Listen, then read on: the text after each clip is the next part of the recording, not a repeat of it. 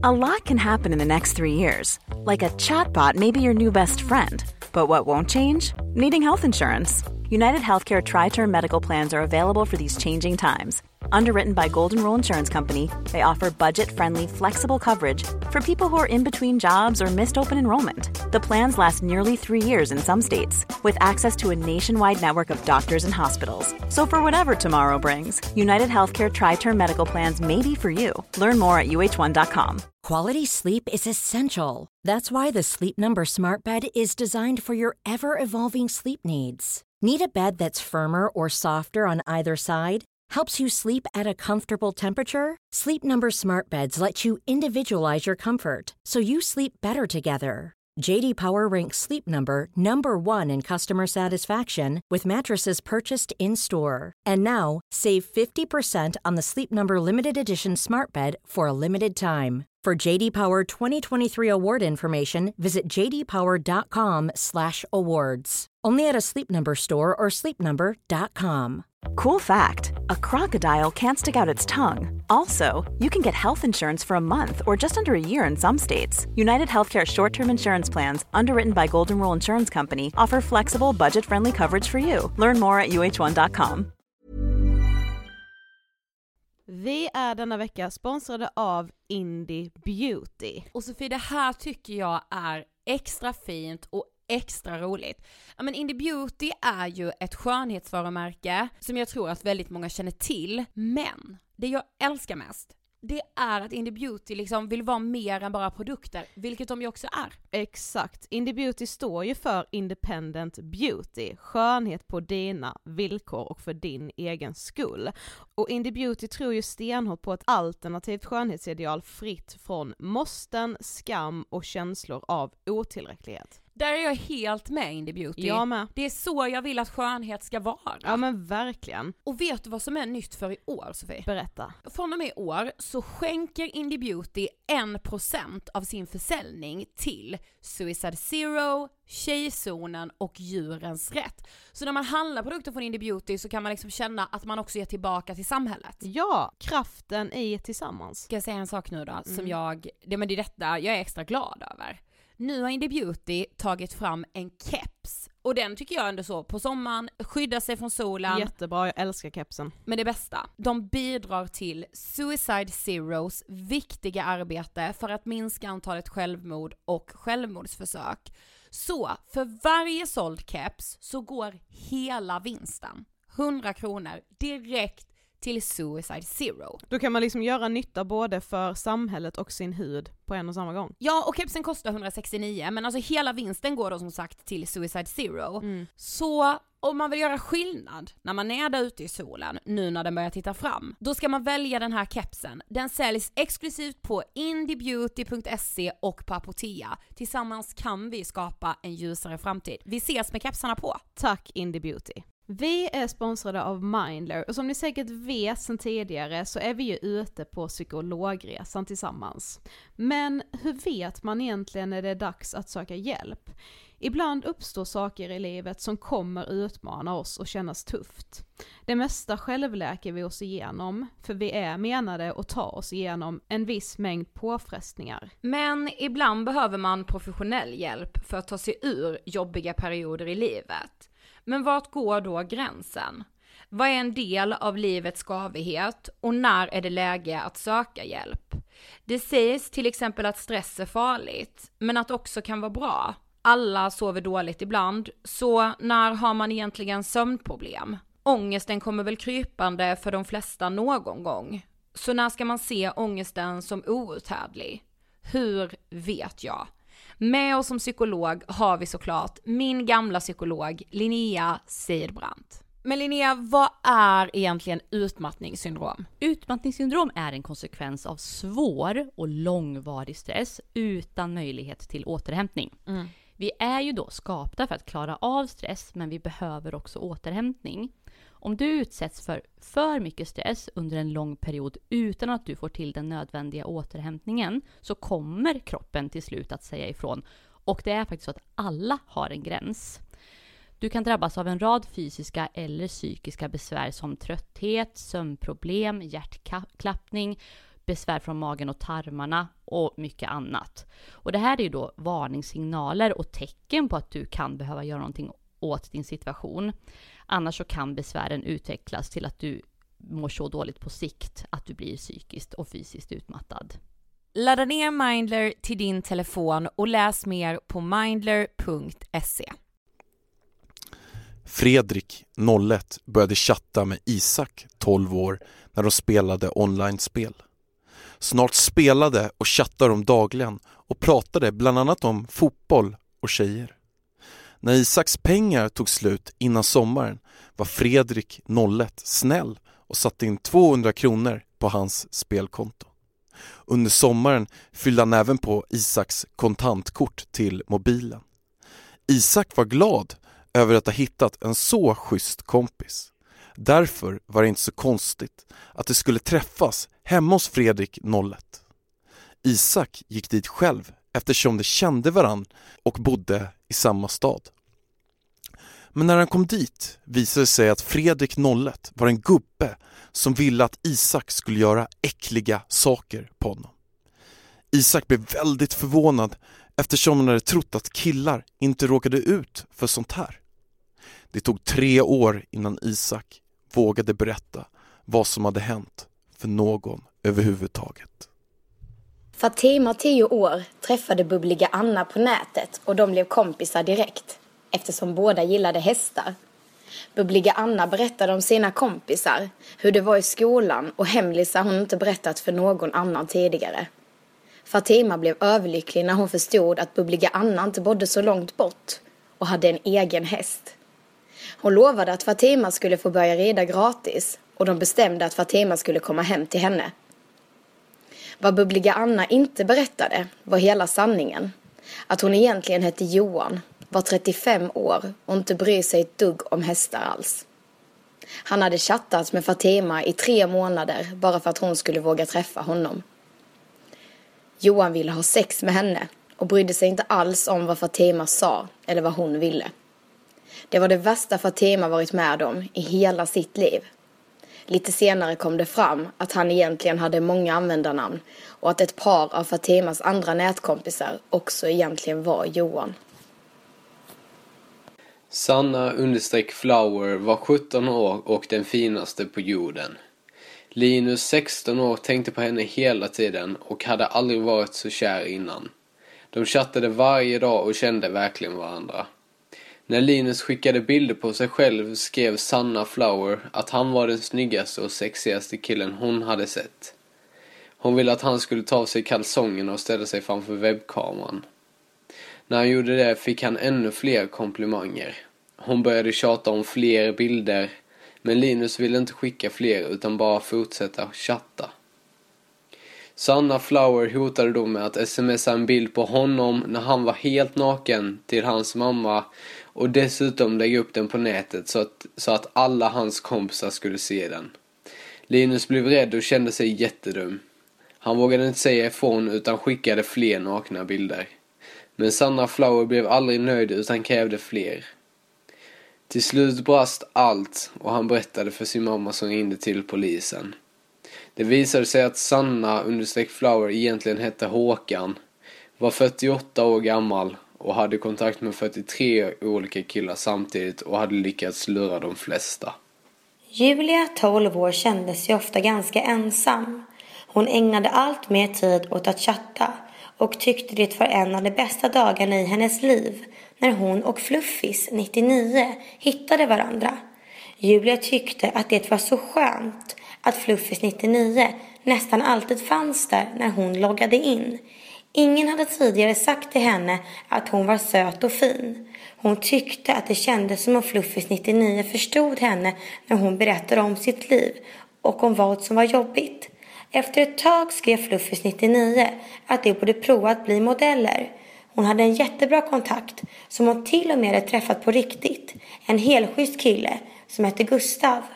Gustav och Julia började umgås online och han ville se henne i webbkameran, helst utan tröja, för att kunna avgöra om hon skulle passa som modell. Han sa att han gillade vad han såg. Julia kanske skulle kunna bli modell. Hon blev väldigt glad. Hon hade aldrig känt sig så uppskattad. Tänk att Gustav, en fotograf, tyckte att hon var snygg. Han ville se mer av henne i webbkameran och Julia skickade dessutom några bilder. Till sist fick Julia veta att Gustav och Fluffis 99 var samma person. Fluffis 99 var alltså en 57-årig man som använde sig av flera olika smeknamn. Du lyssnar på Ångestpoddens serie Vi måste prata om sex. Och idag pratar vi om sexuella övergrepp på internet.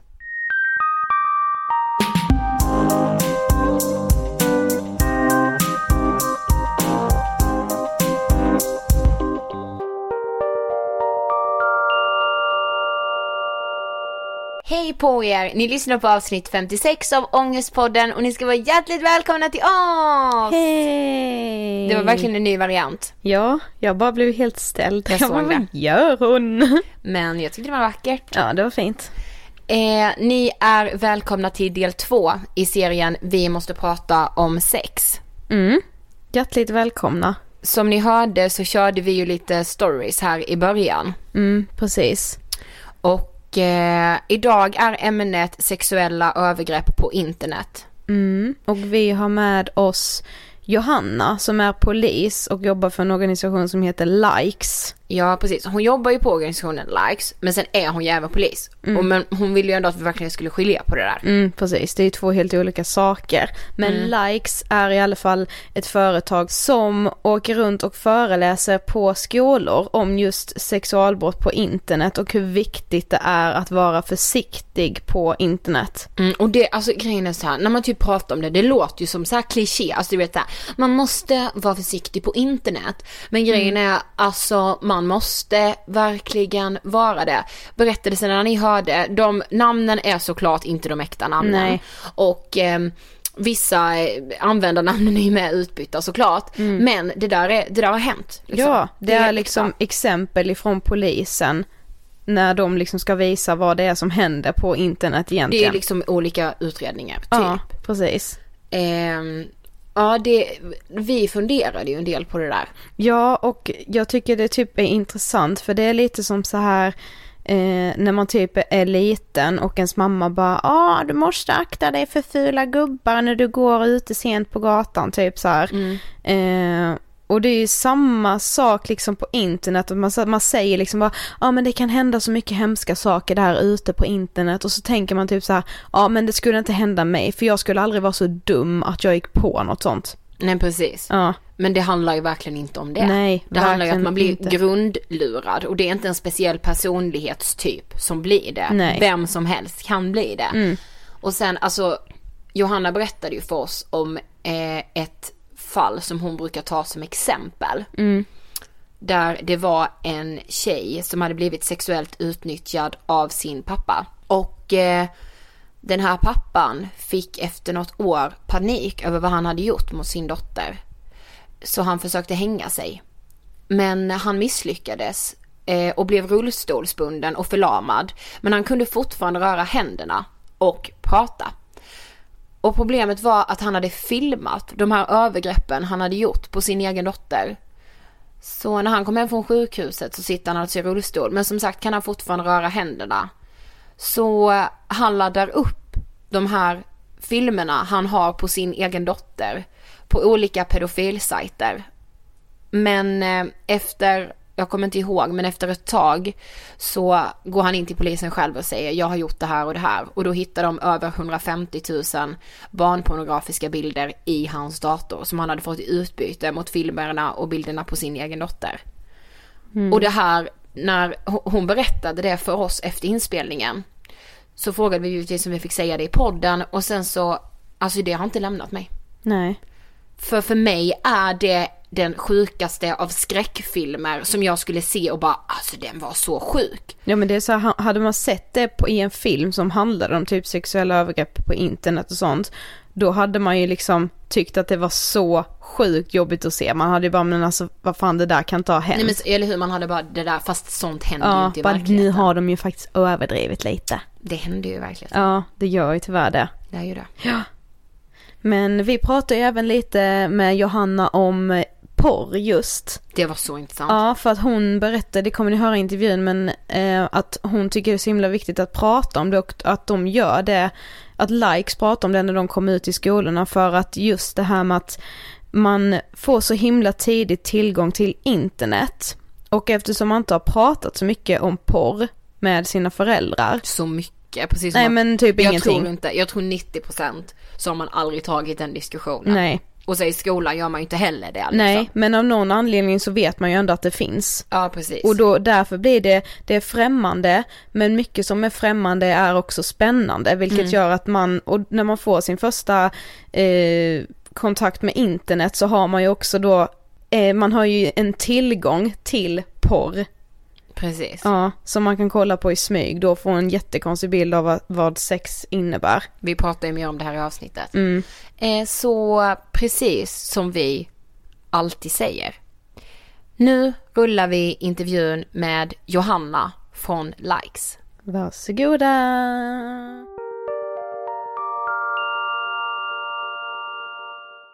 Hej Johanna och välkommen till Ångestpodden. Ja, tack så mycket.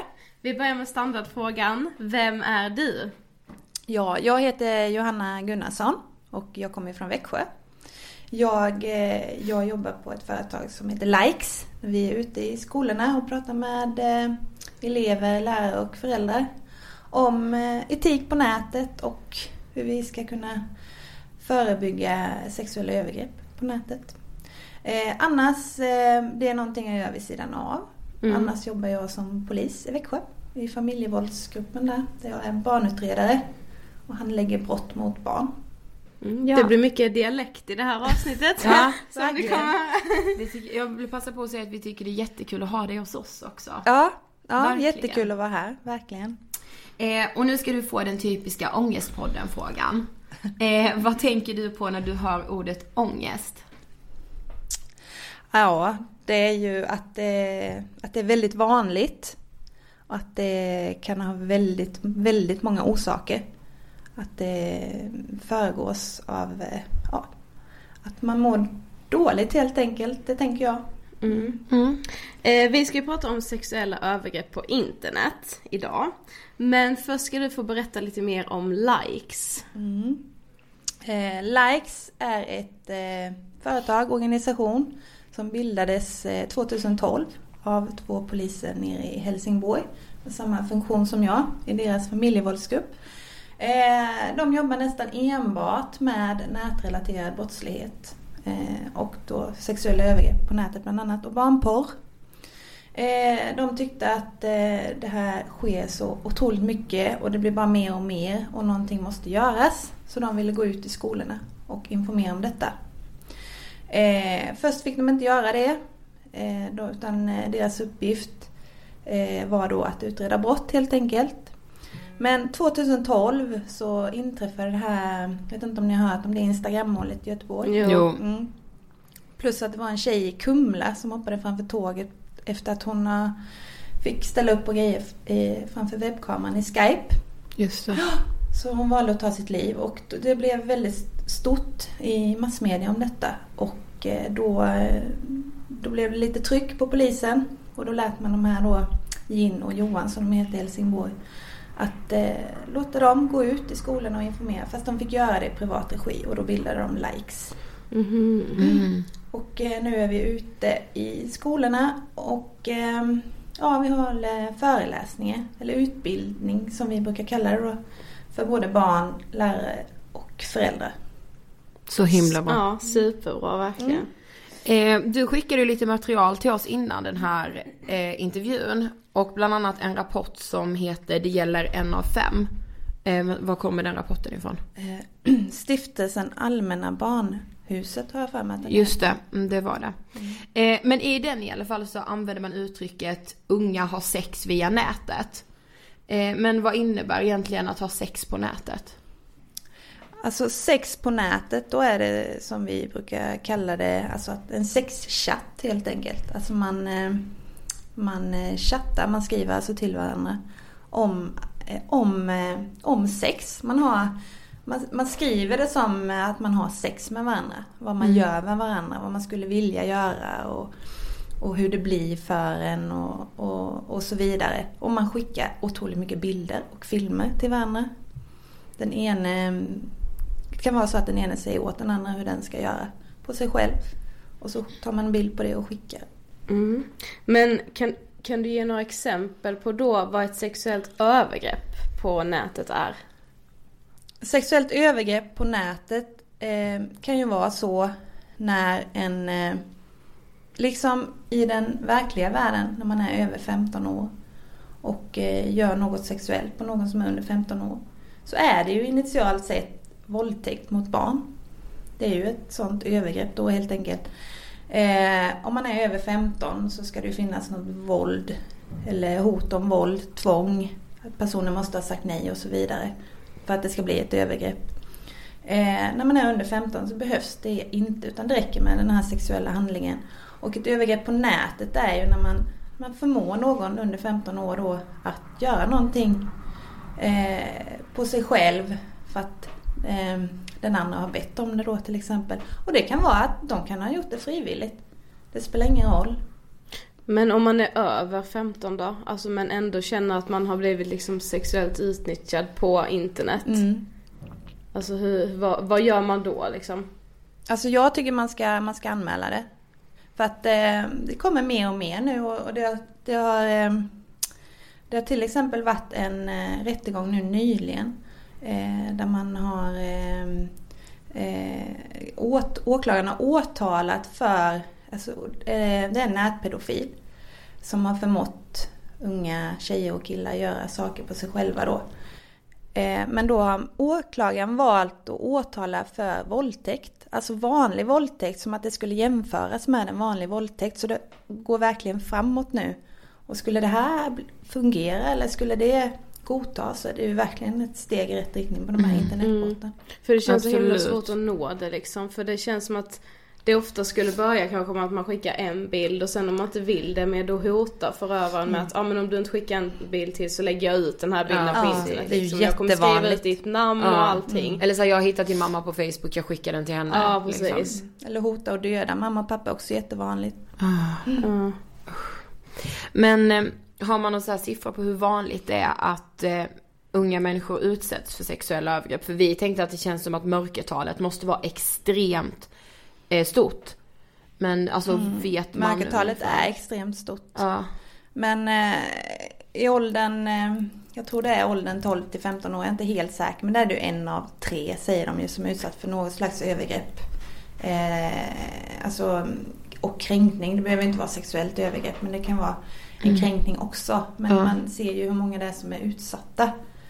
Och eh, i den, eh, den eh, det gäller en av fem, den, Ja. den eh, rapporten där. Eh, så såg man ju hur, eh, hur vanligt det är även bland gymnasieungdomar då. Jag minns, ja men det är väl en av fem där. Ja, precis. Ja, precis. Så, ja, det är ju väldigt vanligt. Mm, och som mm. sagt, det är ju bara det som anmäls. Det som, och Ja. det som folk är ärliga om att berätta om Ja, i sådana det- här rapporter. För jag, menar, tror det, att, liksom, att det känns som att det är så vanligt så att Alltså man känner sig inte kränkt för att man vet någon annan kompis som också har blivit kallad typ hora på internet Mm. och då är det så här, nej men alltså det händer ju alla typ så att man man lite bara tar det för vad det är liksom. ja.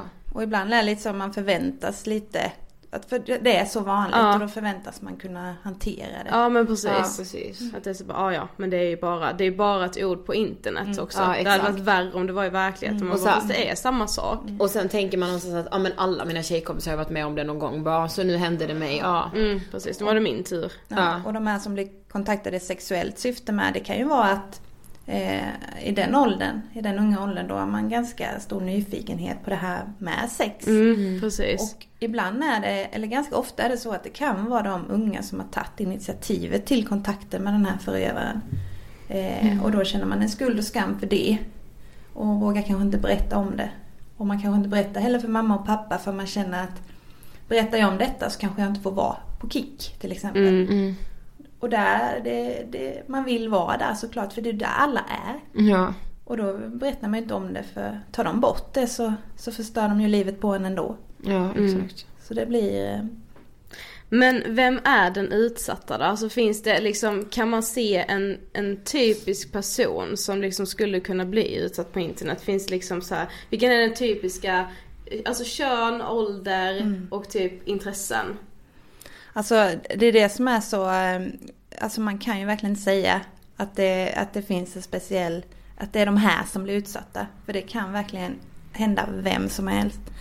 För den bekräftelsen man får på nätet, den är så otroligt mycket mer värd än den du får i det verkliga livet. Och hittar du, får du en kontakt med en person som bekräftar dig på det här sättet som du behöver bekräfta dig när du, när du är osminkad, när du är ledsen, när du har mycket i skolan och är duktig på läxor och så vidare. Alltså då, då, ehm, då får man en speciell kontakt och man, man bygger upp en relation på nätet. Så, ehm, så det kan hända vem som helst. Det, det kan hända de här som är duktiga i skolan, har många kompisar och så vidare. Där föräldrarna verkligen tror att nej, det skulle inte hända vår, vår dotter till exempel. Nej, och har de den hållhaken på sin dotter, vem vågar då berätta för sin mamma och pappa om vad som händer på nätet och att jag faktiskt har blivit tvingad att skicka de här bilderna och det är inte så himla roligt längre. I början tyckte jag det var rätt så Spännande. spännande Mm. men nu fattar jag att det är någonting fel med det här och jag tycker inte om det men det har gått för långt, jag vågar Mm. inte berätta om det för jag har ändå skickat ganska många bilder nu och vad säger de då om jag berättar om det? Mm. Sen kanske det blir lite som en, eh, alltså en relation i det verkliga livet med som man så här ibland kan Ja men om man blir kär i en person och så bygger man upp en bild av hur eh, det skulle vara att leva i en relation med den personen och så inleder man en relation men så är den inte alls som man förväntade sig. Nej. Men man har ju redan blivit kär. Så då låtsas man fortfarande som att det är så som man liksom först förväntade sig Mm. och ser förbi allt det dåliga liksom. Precis. Det kanske är liksom svårt att slita sig om det är en person som man har fått väldigt mycket Mm. bekräftelse av Mm. sen. Om det visar sig vara någon som man kanske inte trodde då Mm. låtsas man Ja. fortfarande att det är. Ja, och det är som i verkliga världen kan vara bra och dåliga sidor. Vissa dagar Mm. känns bättre än andra. Och, eh, så det går säkert upp och ner med. Så man känner säkert olika olika dagar. Men det är ju, de säger ju att de har en, en relation. De är ju pojkvän, flickvän med varandra. Mm. Och de, men de har egentligen ingen aning om vem det är de, de Mm. pratar. De säger att de pratar med varandra men de skriver ju med varandra. Mm. De har egentligen ingen aning om vem det är. Men de kallar ju att de är pojkvän, flickvän. Mm. Eh, Så det är ju en väldigt stark relation. Ja. Eh, men vem är förövaren då? Alltså finns det något så speciellt om vi tänker kön, ålder och sådär där också? Nej, där finns det ju alla möjliga åldrar. Mm. Eh, Jag har jobbat med förövare som har varit från eh, Alltså från eh, ja, 18-20 års åldern upp till eh, en man som var 71. Oj. Oj. Så det är, det är väldigt stort spann. Ja. Så det är jättesvårt att säga hur, hur gamla de är. Ja, vi pratade lite om det innan att man tänker sig så här, ja men någon lite sliskig gubbe så här på 50 år, någon ensamvarg som sitter i något liksom skrymsle med en dator och skriver till unga tjejer på internet. Det är lite den bilden man har. Men om man sen då tänker på hur vanligt det är så börjar man inse att nej, det skulle ju kunna vara vem som helst. Ja. Och visst, de också. förekommer ju. Ja, jo, de, såklart. de som man tänker att det skulle kunna vara. Ja. Men eh, det finns ju också väldigt många andra. Som, eh, eftersom det är ett väldigt enkel, det är en väldigt enkel väg att gå Mm. för att få lite ja, annan spänning, sex vid sidan av så att säga.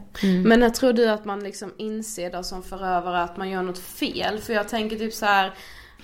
Alltså en 16-åring kanske inte förstår att det är fel att be en 14-åring skicka en nakenbild till exempel. Nej. Alltså för dem, då har ju de kanske, då är de själva uppväxta i det klimatet så de vet ju inte att det de gör är ett brott.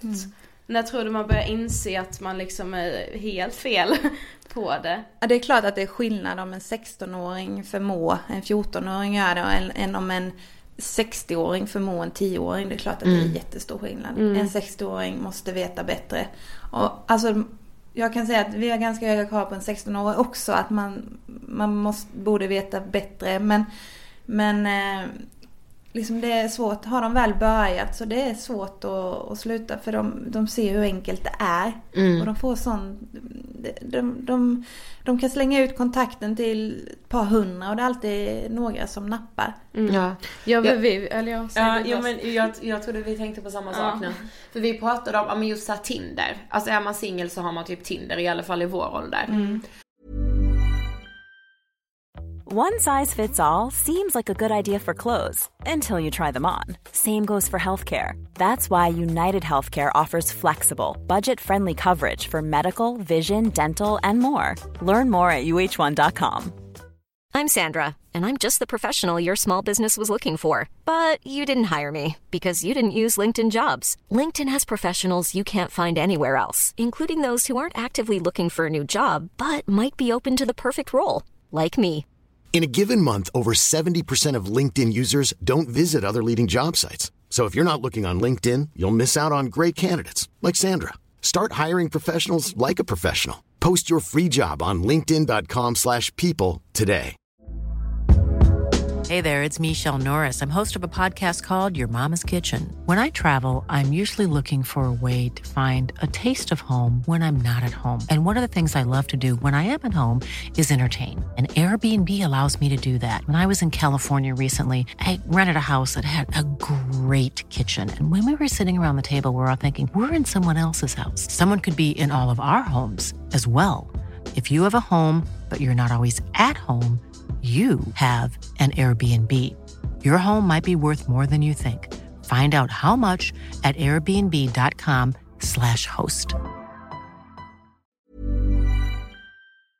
Och ja men säg att man börjar prata med en kille, vi, vi scrollade igenom de som vi hade pratat med och vi bara, men tänk hur många av dem som ändå bara, kan inte du skicka en sexig bild? Och Och jag eller man ju- skrivit något som anspelar Mm. på sex liksom. Ja och verkligen så här ganska, ja men direkt och så här, bara, ja men skicka något eh, nice och så här, och då Mm. menar de ju, de anspelar ju på att man ska skicka något avklätt. Mm. Och det är så sjukt att man så här man bara, varför skriver man så? Men man lägger ändå inte så mycket vikt vid det. Mm. Även om man inte skickar någon bild eller sådär. Så reagerar man inte på att det är konstigt att personen i fråga skriver det. Nej, alltså det, reaktionen är ju vanligare att man typ så här skrattar åt det. Kanske typ så här visar, vad Ja. kolla vad han skrev, han tror verkligen han ska få en nakenbild. Ja det kan han ju glömma typ Mm. så här. Ja. Men man reagerar inte på det sättet som man borde. Att typ så här ifrågasätta bara, vad håller du på med? Alltså varför ber du mig? Du känner inte ens mig liksom. Nej. Det gör man inte. Nej. Så det är väldigt hårt klimat där ute. Och då är vi ändå 23 år och vi Ja. har ändå inte, visst det är tur att vi är personligheter som har distansen att kanske inte skicka en sån bild. För att ni inser ju konsekvenserna, Ja. vad som kan hända. Precis. Men Precis. tänker man en 12-åring som får samma Ja. fråga.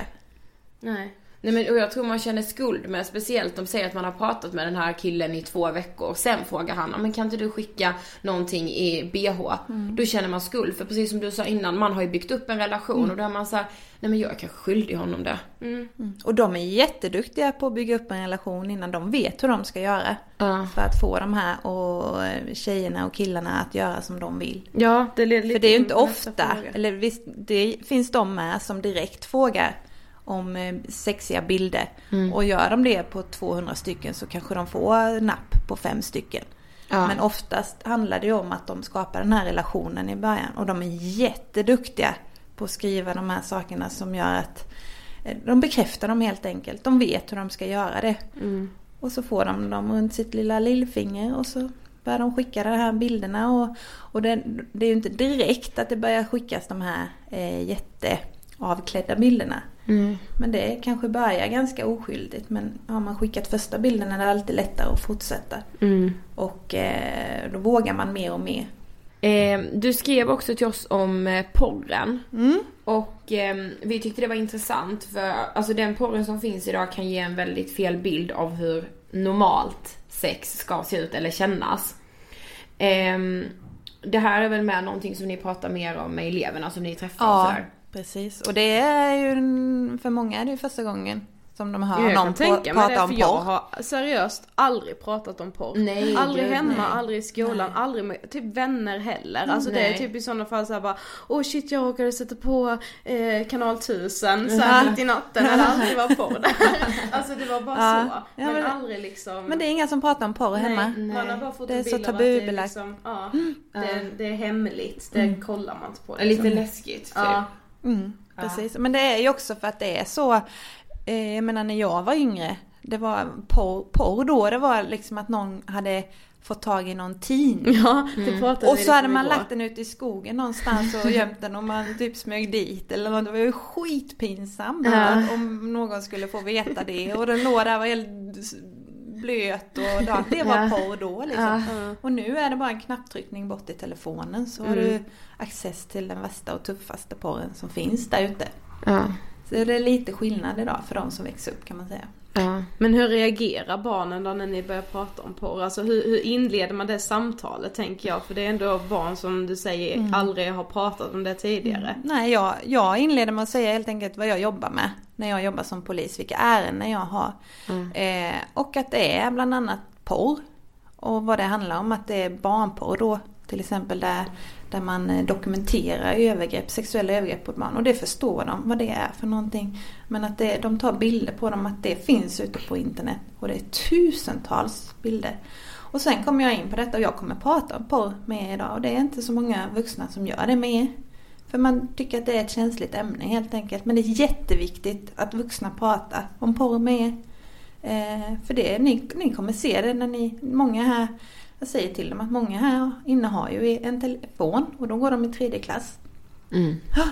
Och nästan alla där har en egen telefon. Alltså har de tillgång till internet och tillgång till den här porren. Då måste man prata om det med dem. Mm. För vad är de då? 8-9 år? Och fram till de har sin första sexualdebut när det nu är 15, 16, 17 så är det det de ser Mm. Ja. där ute på internet. Det är inte det här vanliga kärlekssexet mellan två, ett par som är kära i varandra. Det är inte det de ser. Nej. Men det är kanske det som man som folk eh, ute i samhället som man frågar kanske skulle tycka det är som är det normala. Och inte det här porret som de ser. Men det är det de ser. Och vad händer med dem sen? Mm. Vad är normalt för dem när de ska börja ha sitt sexliv? Ja, Ja, det är det, det är det som blir så fel. För de får ju en sån neutral bild av sex då. Så då blir det så här att skicka en avklädd bild. Det anses ju inte vara någonting om man jämför med den porren som de har Ja, eh, precis. sett på Mm, sin precis. telefon. Ja, Liksom. ja. Så det blir ju nästan som en ond cirkel. Precis. Mm. Ja. Eh, Ja, en liten bild blir så avdramatiserat på något sätt då. Ja. Om man sätter det liksom Mm. i perspektiv till den här Ja. så här grov porr. Ja. Liksom. Och de ser ju så mycket filmer och bilder där ute så att de tror inte det är Alltså för dem är det liksom, det känns kanske helt okej till en Mm. början till och med. Tycker Mm. För de, de kanske tänker att ja men det är ju så här alla andra gör och det Ja, är men så här precis. det funkar. mm. Mm. Men eh, folk, vuxna måste ta ett ansvar där. Vi måste börja prata med barnen om det här. För att, visst, när vi växte upp fanns inte internet och behövde inte vuxna prata om porr med barnen. Men nu måste vi göra det. Mm. Och eh, jag var på en skola eh, i eh, Helsingborg förra veckan på deras internationella skola. Och där eh, vi hade för årskurs 3 och 4. Och så började jag prata om porr med dem. Eh, och det här som jag har berättat för er då. Och eh, de, när de kom tillbaka till klassrummet sen så var de ganska... De var väl inte... Eh, de var till läraren liksom upp det här, de, de pratade om porr. Det var, de var helt eh, extatiska liksom. Och Ja. bara, "Åh!" så läraren bara ställde in lektionen och sa ja, den här lektionen ska vi bara prata om sex. Mm. För det, hon kände de behövde, det bara började bubbla i dem. De Ja. behövde prata så mycket om detta. Ja. För de ju, hade ju ändå sett Ja. en del. Mm. Och de, de behövde prata om det, så hela lektionen bara pratade de om detta. Mm. Så det är perfekt. Så himla bra. så himla bra.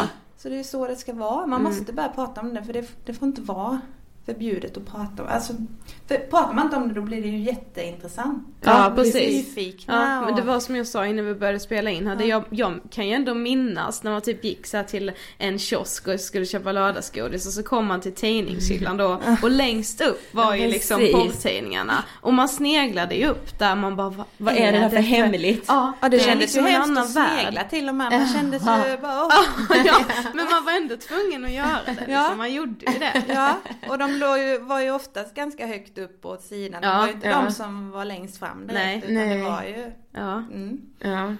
Ja, herregud. Men en av anledningarna tror vi till att det är så stort mörkertal och att man inte anmäler sånt här. Är för att det liksom känns lönlöst. Mm. För att alltså, det känns som att polisen kanske inte kan göra så mycket åt saken. Men vad gör polisen när det kommer in ett sånt här fall? Mm. Eh, och, så är det ofta och det förstår jag att så känns det. För det är nämligen så här att eh, kommer det in en tjej och vill anmäla någonting eh, så pratar vi ju med den här tjejen. Eh, eller kille är det också såklart. Eh, och man tömmer ofta hennes telefon. För det är ofta där kontakten har varit då. Eh, och då får man ju fram all eh, teknisk bevisning då. Som eh, kan vara ganska mycket. Mm. För de, eh, de skriver rätt mycket och det sparas. Mm. Så det är ganska mycket att gå igenom. Mm. Eh, först och främst då ska vi ju hitta den här eh, personen då som har varit i kontakt med henne i sexuellt syfte. Den personen hon vill anmäla helt enkelt. Eh, för att kunna lokalisera vem den är. Och det är inte alltid helt enkelt. Så det är lite detektivarbete där. Eh, Kik bland annat. Eh, de har sin bas i Kanada. Mm. Inte så lätt för polisen att få ut information därifrån. Så det, där får vi jobba ganska mycket själva och försöka lista ut det här. Vi har hjälp av en grupp i Stockholm som, som jobbar bara med det här. Som har väldigt många eh, Kik-ID sparade så att säga och de Mhm. samordnar ärenden. Och så de hjälper alla vi handläggare då ute. Eh, så ibland får vi tag på dem. Då, eh, då kan ju den här personen bo i en helt annan del av Sverige. Då får man ta hjälp av den polismyndigheten. Så hämtar de in den här personen. Samtidigt tar de den här personens utrustning, dator, telefon, eh, externa hårddiskar, USB, skivor, allting. För att eh, det är ganska ofta man hittar väldigt mycket eh, barnporr också i dens utrustning. Att den har ett intresse Mm. av detta helt enkelt. Eh, vilket ju också är brottsligt Mm. att inneha barnpornografi.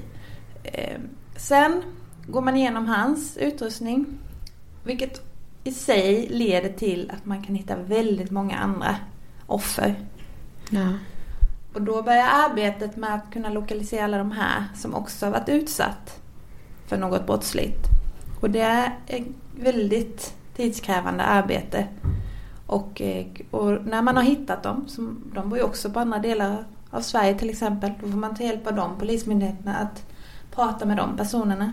Ja, men hur, hur gör man det tänker jag? För att tänk så är det någon som liksom inte liksom vill anmäla. Mm. Alltså hur gör man? Så är det ju. Ja, Mm. hur gör man då? För då kan det vara så att det är den här första tjejen som har anmält. Men sen Ja, kanske det är precis. 200 till. Ja.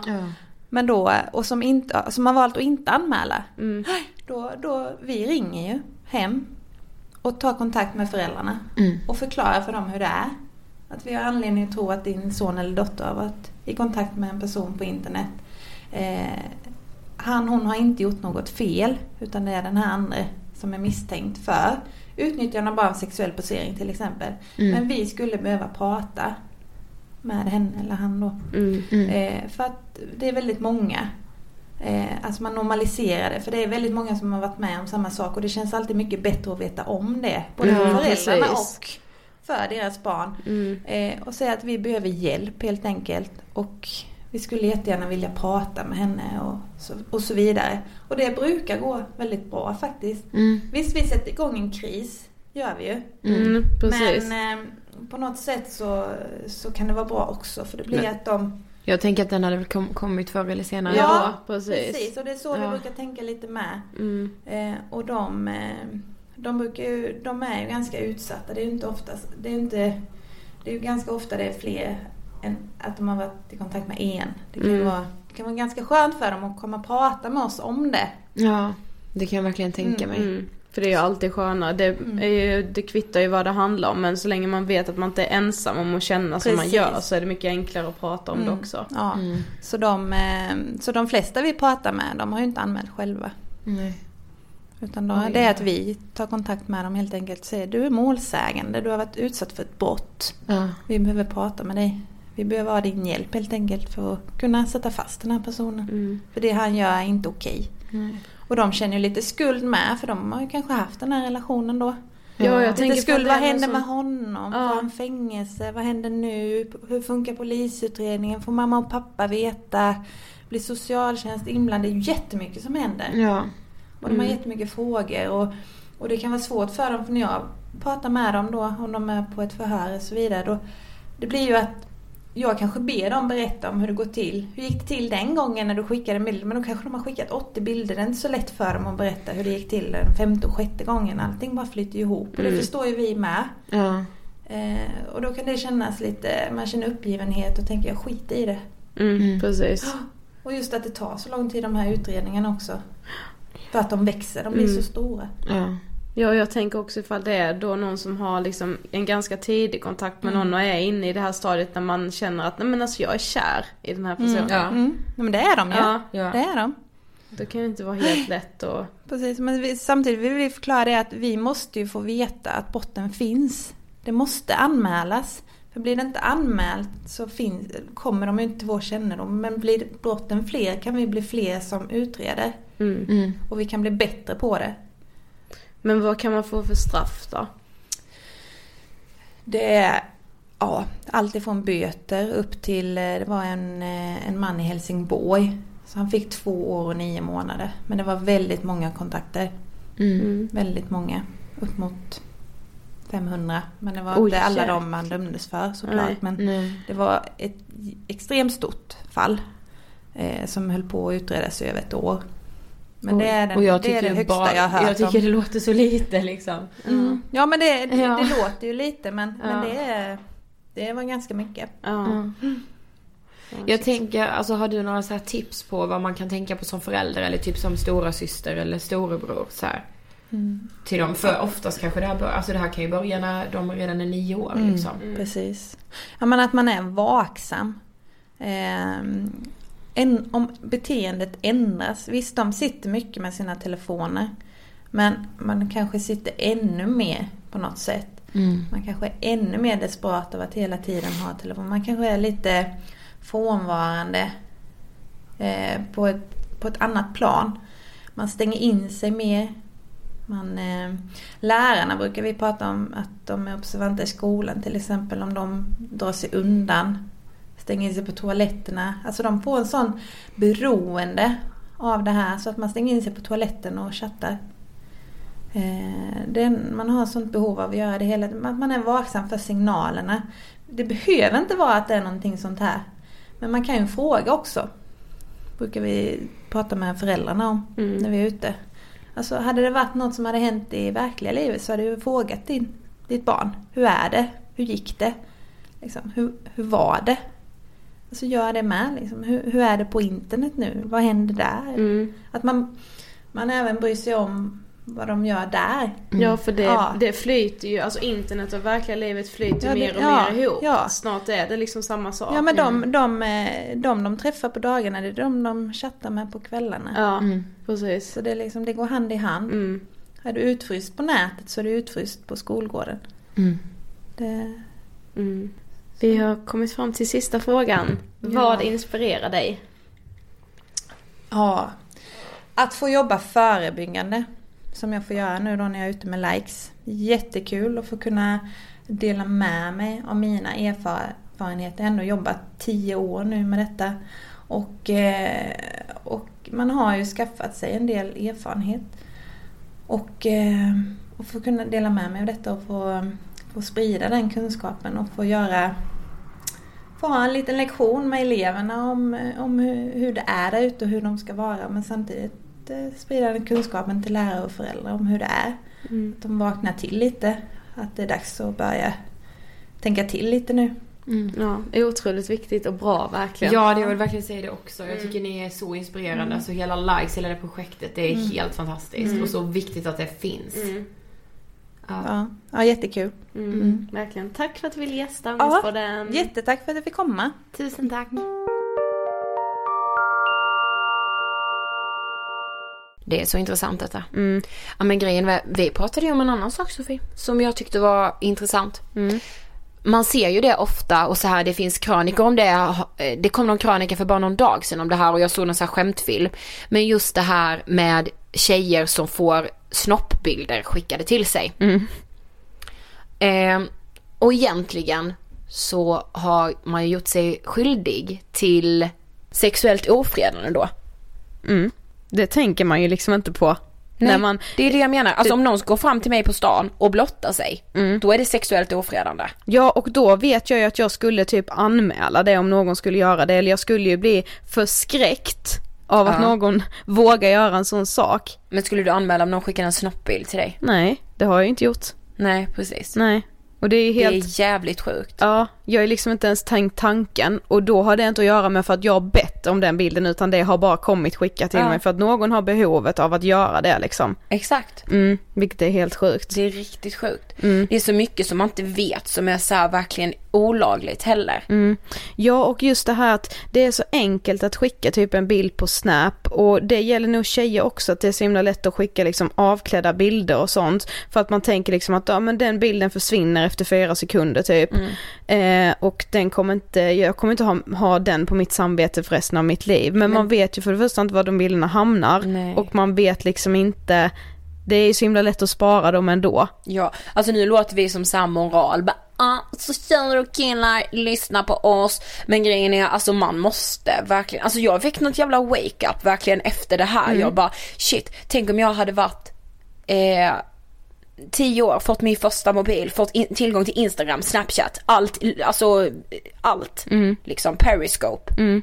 Alltså jag menar jag hade gått bananas alltså. Mm, jag hade man ju förmodligen. Ja, Mm. jag är skitglad att när jag var nio fick jag en 3310 liksom. Det var ganska svårt att snappa med den. Åh shit, nu fick jag min första mobil. Jag fick min första mobil ganska sent.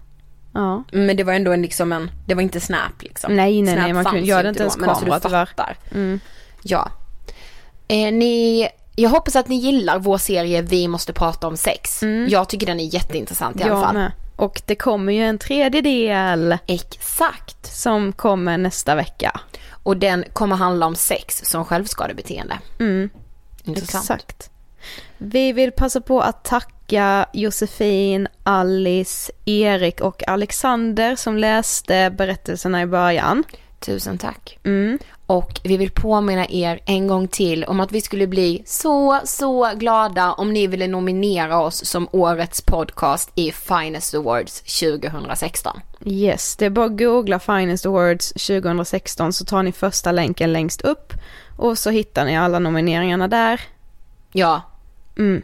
exakt. Do it, just do it.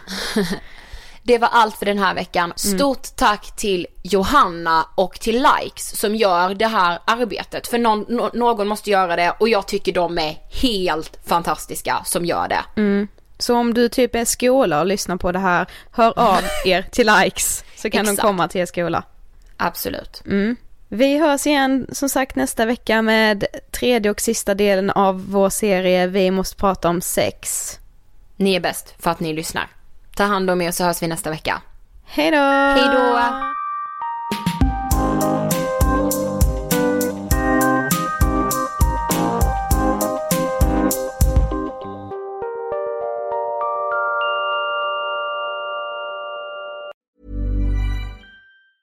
Even when we're on a budget, we still deserve nice things.